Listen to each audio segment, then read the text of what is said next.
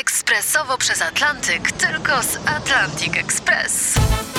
Z nami wyślesz co chcesz, kiedy chcesz, do kogo chcesz i to o 40% taniej. W Atlantic Express wysyłamy wszystko. 1 800 775 7363. Mienie przesiedleńcze, kontenery, paczki do Europy. Atlantic Express o 40% niższe ceny na wysyłki kontenerów, samochodów i paczek. Ekspresowo przez Atlantyk, tylko z Atlantic Express. Był urodzonym manipulatorem. Wybitny dar przekonywania potrafił oczarować każdą dziewczynę. 10 dni później ratownicy górscy mają dla zaniepokojonych rodziców najgorszą z wiadomości. Płatni zabójcy, seryjni mordercy i sceny zbrodni w RMFFM. Ale naprawdę, uprzedzaliśmy tydzień temu, że w tym odcinku z ten zbrodni idziemy w górę, a tutaj widzę na nogach jakieś adidasy, jakieś japonki, jakieś sandały. No tak, to my w wysokie góry nie wyjdziemy. Japonki może nie, ale te adidasy się przydadzą, bo będzie trzeba uciekać. Dzisiaj w scenach zbrodni zabójcy na górskich szlakach. Koniecznie posłuchajcie. Daniel Dyk i Kamil Barnowski prezentują Sceny zbrodni w RMFFM. Góry mają oprócz tego pięknego także swoje złowrogie oblicze. Odebrały tysiące żyć. Sam Mount Everest zabrał ponad 200 osób. Dla porównania, polski jeden z najpopularniejszych, ale i najtrudniejszych szlaków tatrzańskich, Orla Perć, każdego roku odbiera kilka istnień. W ostatnich tygodniach zginęły tam dwie osoby. A jednak górskie szlaki uważane są za jedne z najbezpieczniejszych miejsc, jeśli chodzi o prawdopodobieństwo zbrodni.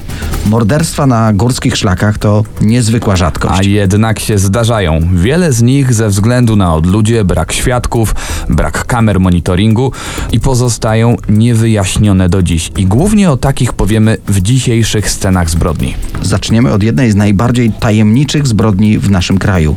Czas na brutalny mord w Górach Stołowych. Jak o tej zbrodni najczęściej pisały gazety. Brutalny mord. Ale ja mam też przed sobą inną gazetę, tutaj tytuł Tajemnicze zabójstwo studentów. Tak, dzisiaj wiemy, że choć minęło prawie ćwierć wieku, y, oba te tytuły są bardzo prawdziwe. Niewiele wiemy o sprawcy, o motywach. Jest wiele hipotez i o niektórych opowiemy za moment, ale jak to u nas po kolei.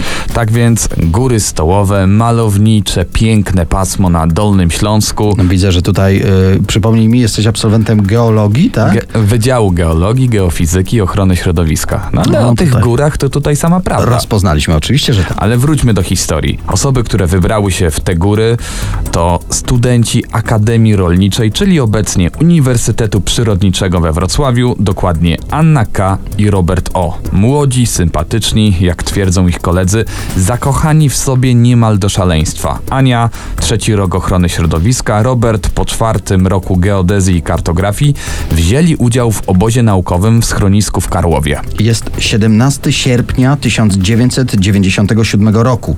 Podkreślamy, że telefonia komórkowa w Polsce dopiero raczkuje. Ceny komórek, tych słynnych cegieł, nie są absolutnie na kieszeń studenta. Ania więc dzwoni do mamy z budki telefonicznej w Dusznikach Zdroju. Mama zapamiętała, że para ma iść niebieskim szlakiem prowadzącym na narożnik. Turyści, którzy znają to miejsce, wiedzą, że stamtąd rozciąga się niesamowita panorama gór stołowych, także widok na góry Bystrzyckie i góry Orlickie. I prawdopodobnie studenci dotarli tam i ten piękny krajobraz był być może ostatnim, jakim widzieli. Kolejne dni to niepokój rodziców tej pary studentów. Ani Robert, nazywany przez przyjaciół Albertem, ani Ania nie dają znaku życia. Rodzice zgłaszają zaginięcie, proszą o pomoc w poszukiwaniu goprowców i rzeczywiście to ratownicy górscy 10 dni później mają dla zaniepokojonych rodziców myślę najgorszą z wiadomości. Niestety ciała ich dzieci znaleziono w lesie w pobliżu szlaku 10 metrów od siebie. Gorący sierpień sprawił, że jak wspomina grupa poszukiwawcza, najpierw poczuli niepokojący zapach charakterystyczny dla rozkładających się ciał, ale to nie przygotowało ich na widok, jaki zastali. Goprowcy spodziewali się jakiegoś wypadku, poślizgnięcia się, upadku w przepaść, tymczasem studenci zginęli od strzałów w głowę. Zginęli prawdopodobnie tego właśnie dnia, 17 sierpnia, przed godziną 17. Najpierw do Roberta ktoś strzelił dwukrotnie z bliska, później Ania zginęła od strzału między oczy. Niewyobrażalny dramat, tym większy, że sprawca do dziś pozostaje na wolności. Dwoje studentów, Anna K. i Robert O., zginęli od strzałów z pistoletu w głowę. Ich ciała zostały znalezione 10 dni po zabójstwie w stanie częściowego rozkładu. Widać także było, że zwłokami zainteresowały się dzikie zwierzęta górskie. Od razu brany był pod uwagę motyw seksualny zbrodni. Przypomnijmy, zarówno student, jak i studentka mieli spodnie ściągnięte do kolan. Ruszyło policyjne śledztwo. Grupa śledczych liczyła aż 40 osób. W pierwszych dniach przesłuchali ponad setkę świadków. Część z nich tego 17 sierpnia 97 roku przebywała w górach i słyszała przeraźliwy kobiecy krzyk, trzy wystrzały z broni palnej, potem zupełnie głucha cisza. Jeden ze świadków miał tuż po tych wydarzeniach, po tych wystrzałach, zrobić zdjęcie jakiegoś turysty wychodzącego z lasu, właśnie przy tym szlaku, ale pech. E, Przypomnę, jesteśmy przed erą aparatów cyfrowych czy komórek. Klisza fotograficzna była prześwietlona i niestety nie udało się odzyskać być może kluczowego dla tej sprawy zdjęcia. Dwójka innych świadków rozpoznała studentów i przypomniała sobie, że widzieli ich w towarzystwie jakiegoś mężczyzny. Jednak niespecjalnie się wyróżniał, koszula w kratę, wojskowy plecak, blond włosy. Poszukiwano go, nagłośniono sprawę w telewizji, zachęcano, by jako świadek wniósł coś do śledztwa. Ale niestety to nic nie dało. Zwracano też uwagę na dziwnego, zaniedbanego włóczęgę w brudnych ubraniach, który kręcił się po okolicy i zawsze uciekał na widok policyjnych aut. Okazał się nim y, czeski bezdomny Emil S. Jego udział w tej sprawie absolutnie wykluczono, no ale po okolicy mm, przez moment i funkcjonowała plotka o czeskim przestępcy ukrywającym się w tych górach. Ale wspomniałeś o motywie seksualnym, a jednak to wykluczono jako pierwsze. Mimo, że zamordowani w połowie byli nadzy, nie stwierdzono żadnych śladów potwierdzających te początkowe wnioski. To tym bardziej tajemnicza zbrodnia. Brano pod uwagę motyw rabunkowy. Zniknęły plecaki pary. Znaleziono je około kilometra dalej. Brakowało tych najcenniejszych rzeczy, czyli aparatu fotograficznego. Zniknęły zegarki, paszporty, karimaty i namiot. Zaginął też pamiętnik Ani, w którym ona robiła wszystkie notatki. No właśnie, bo policjanci w końcu wykluczyli, by to chęć obrabowania turystów była motywem tego zabójstwa. Być może w tym aparacie było zdjęcie sprawcy, być może wśród notatek y, Ani mogły być zapiski mogące go zdemaskować. No, podsumujmy. Nie ma świadków, nie ma motywu, studenci byli lubiani, bez żadnych wrogów, o których wiedzieliby bliscy, czy też koledzy z uczelni. No właśnie, może bez wrogów, ale z kolei brano pod uwagę zakochanego w Ani leśnika, że może on. Ludzie ze zranionym sercem, no wiadomo. A jednak tutaj znów wykluczono taką możliwość. Nie ma żadnych konkretnych podejrzanych, no niestety nie ma też żadnych istotnych śladów. Właśnie, te, które udało się zabezpieczyć na miejscu w trakcie śledztwa tam w lesie, no te ślady nie były bardzo przydatne. Pamiętajmy, wakacje na szlakach wielu ludzi, wielu turystów mogło te ślady swoje zostawić. I tak mijają lata, sprawa trafia do policyjnego archiwum X, ale i to na ten moment nie przyniosło żadnego przełomu. Warto zwrócić uwagę na jeszcze jeden trop. W sierpniu 97 roku w Dusznikach Zdroju, czyli w okolicy tego podwójnego morderstwa, zorganizowali zlot neonaziści z kilku krajów europejskich. Właśnie w Górach Stołowych odbywali regularnie obozy survivalowe. Widywani byli na szlaku, w ubraniach militarnych, a wielu z nich miało przy sobie broń lub replikę broni. I znów wśród miejscowych rozeszła się plotka, że to mogła być robota kogoś z tej grupy. Brano pod uwagę, że do zabójstwa doszło dokładnie w dziesiątą rocznicę śmierci jednego z ich idoli, dokładnie Rudolfa Hessa, zastępcy Hitlera. Brano też pod uwagę, że pistolet, z którego zostali zamordowani studenci, mógł pochodzić z czasów wojny i mógł być też cenną pamiątką dla grup neonazistowskich. I tu jeszcze jedna okoliczność, która daje do myślenia. Po tym zabójstwie studentów neonaziści przestali organizować zloty w tamtej okolicy. Dzisiaj mówimy o niewyjaśnionych przede wszystkim morderstwach na górskich szlakach. Teraz jesteśmy w Mount Baker, malowniczy szczyt w paśmie gór kaskadowych, stan Waszyngton. Mount Baker to aktywny wulkan, którego zbocza zimą są miejscem narciarskich szaleństw, a latem przyciągają turystów, którzy chętnie wspinają się na wysokość ponad 3000 metrów. Malownicze krajobrazy, niezbyt trudne podejścia, no to daje prawdziwy turystyczny raj.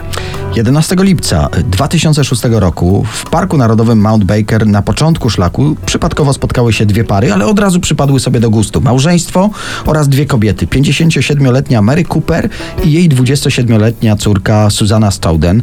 Spory kawałek drogi przeszli razem. Gdy dotarli do rozwidlenia szlaków, małżeństwo skręciło w stronę jeziora Bear, a kobiety odbiły na szlak prowadzący do jeziora Pinnacle. No, może gdyby dalej szli razem, nie doszłoby do takiej tragedii. A może doszłoby do jeszcze większej tragedii, może zginęłyby tego dnia wszystkie te cztery osoby.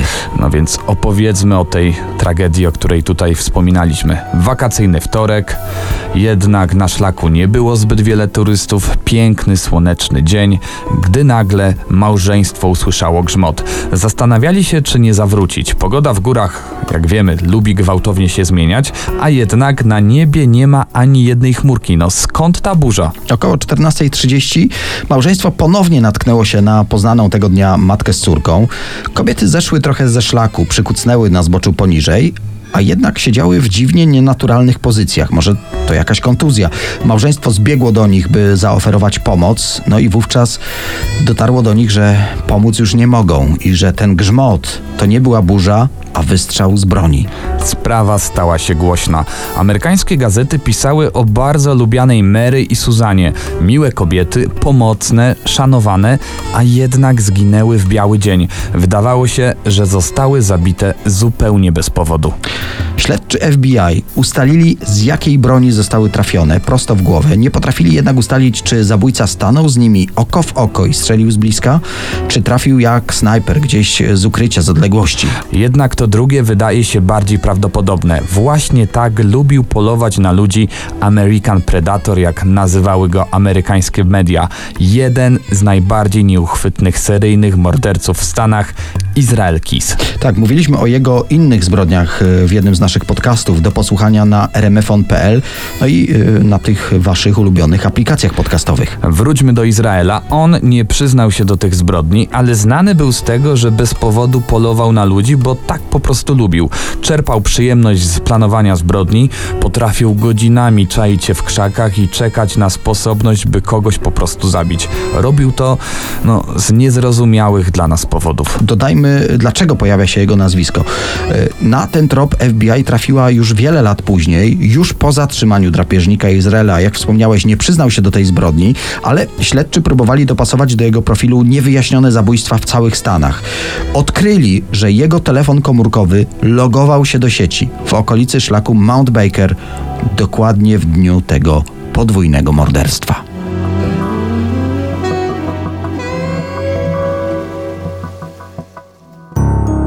Czas na morderstwo w Dolinie Chochołowskiej, ale od początku. 2003 rok, koniec lipca, studentka socjologii Katarzyna P.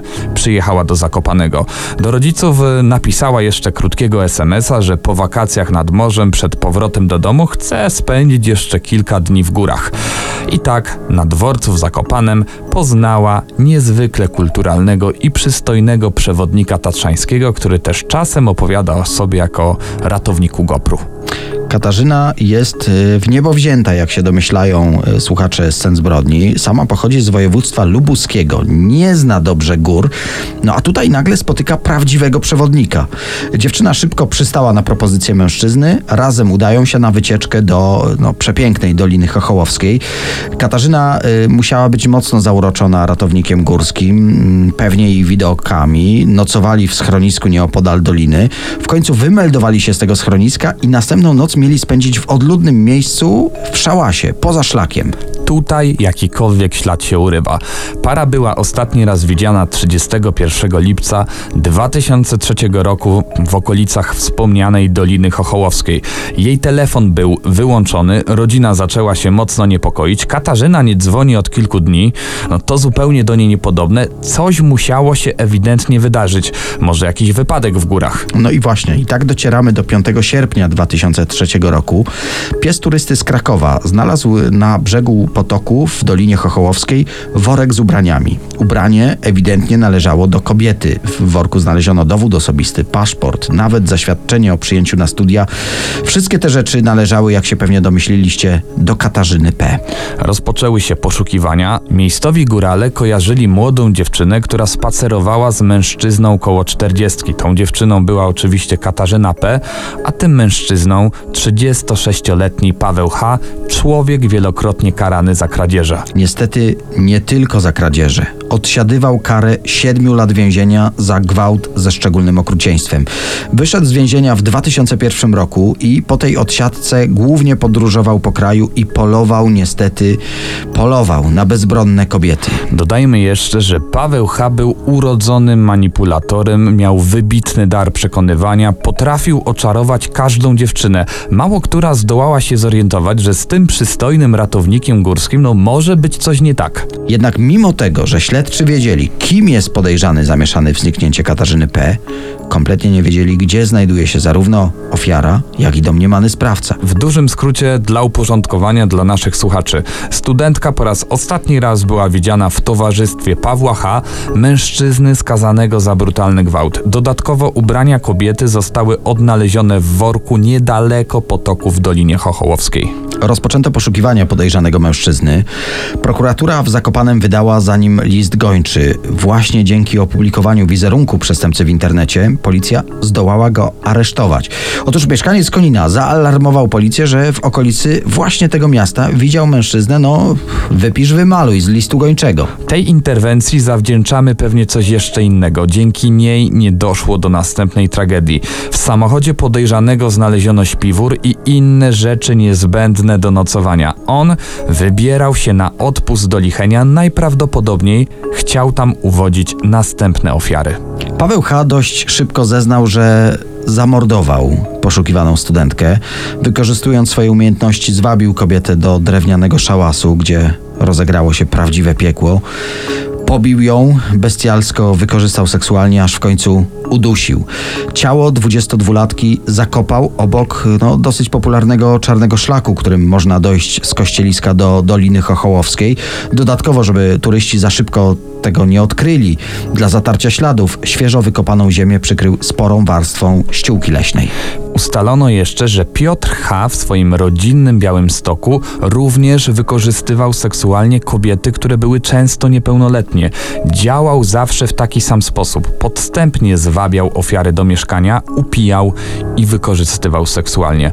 Jak się domyślacie, wyrok w tej sprawie mógł być tylko jeden. 19 kwietnia 2007 roku Paweł H. został skazany na dożywotni wyrok więzienia. Musimy zacytować słowa sędziego poprzedzające odczytanie wyroku. Oddają one chyba najlepiej w jak ohydny sposób działał Paweł H.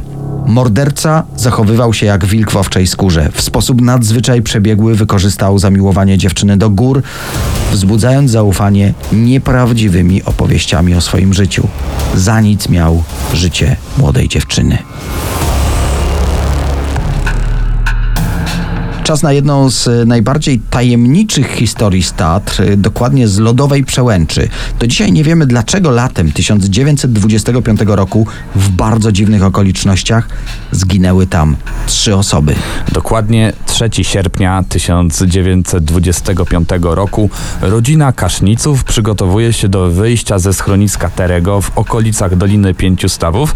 Teraz to schronisko jest położone po słowackiej stronie Tatr. Chcieli dotrzeć dotrzeć do Zakopanego właśnie przez lodową przełęcz. W górach nie czuli się pewnie, zwłaszcza, że pogoda kompletnie się załamała. Padały ulewne deszcze, nawet deszcz ze śniegiem, a to sierpień. Dlatego trzyosobowa rodzina uprosiła doświadczonych taterników o pomoc w wędrówce. No, taternikom na pewno nie było to na rękę. Rodzina Kaszniców na pierwszy rzut oka nie wyglądała na doświadczonych turystów.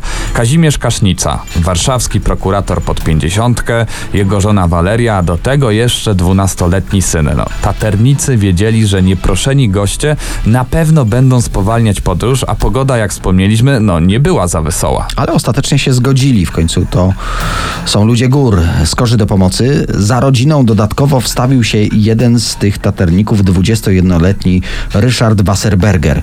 Wędrówka połączonych ekip od początku zbyt płynnie nie przebiegała. Kazimierz Kasznica mocno tę wędrówkę opóźniał, dlatego rozzłoszczeni taternicy w końcu zostawili Wasserberga z rodziną Kaszniców. W końcu to on optował za tym, żeby eskortować turystów. I tak docieramy na przełęcz lodową. Dotarli tam po trzech godzinach. Warto dodać, że zwykłemu turyście pokonanie tej trasy zajmuje niewiele ponad godzinę. To pokazuje, jak bardzo ślimacze było to tempo. Gdy znaleźli się po drugiej stronie przełęczy, pogoda już kompletnie się załamała. Wiatr i deszcz był nie do zniesienia i tak czteroosobowa ekipa zaczęła wędrować z coraz większym pośpiechem. Niestety równie szybko zaczęło uchodzić z nich życie. Pierwszy osłabł, jak się domyślacie, Kazimierz Kasznica, następnie jego dwunastoletni syn, aż w końcu taternik. Wszyscy skarżyli się na kłopoty z oddychaniem, zaczęli majaczyć, no, nie mogli ustać na nogach. Żona Kasznicy próbowała mężczyzn ratować. Dla rozgrzania każdemu podała trochę koniaku, no i miała ze sobą czekolady. Jednak nic to nie pomogło. Trzech mężczyzn zmarło w pobliżu żabiego stawu jaworowego. Musimy zaznaczyć, że kobiecie kompletnie nic się nie stało. Jakim cudem zginął doświadczony taternik, a turystka z Warszawy przetrwała te warunki bez większego kłopotu? Pierwszym podejrzanym w sprawie był koniak. Prokurator Kasznica miał dostać go w prezencie. No, z prokuratorem nie każdy żyje za pan brat, dlatego podejrzewano, że prezent y, mógł być zatruty. Jednak mężczyźni czuli się już źle przed podaniem koniaku. Inna wersja zdarzeń wskazuje, że po jednej stronie grani od silnego wiatru wytworzyła się próżnia. Upraszczając, do śmierci doprowadził brak powietrza. Ale tutaj pojawia się pytanie, dlaczego kobieta wyszła z tego bez szwanku? Przecież oddychała tym samym powietrzem. Dodajmy jeszcze, że sekcja zwłok wykazała u wszystkich nagłe zatrzymanie pracy serca i obrzęk płuc. Czy to warunki pogodowe, czy zbieg jakichś innych y, niewyjaśnionych okoliczności, czy może było to potrójne morderstwo? Niestety blisko 100 lat od tej feralnej górskiej wędrówki nadal nie wiemy, co doprowadziło do tragedii na lodowej przełęczy. No muszę przyznać, no może za mocno o tych butach powiedziałem, bo jednak jak popatrzyłem na tych naszych słuchaczy, naszych turystów, to plecaki wszyscy ładne mieli. No, ale teraz te plecaki można ściągnąć, tak Z dobrym zaopatrzeniem. zdejmujemy z siebie ten y, bagaż informacji ciężkich, które nieśliśmy dla Was przez ten podcast. Y, Odpoczywamy, ale nie za długo, bo być może jest już nowy podcast. Podejrzewam, że tam równie ciężki temat. A za dzisiaj serdecznie Wam dziękujemy. Do usłyszenia jak zawsze za tydzień. Kamil Barnowski. I Daniel Dyk. Sceny zbrodni w RMFFM.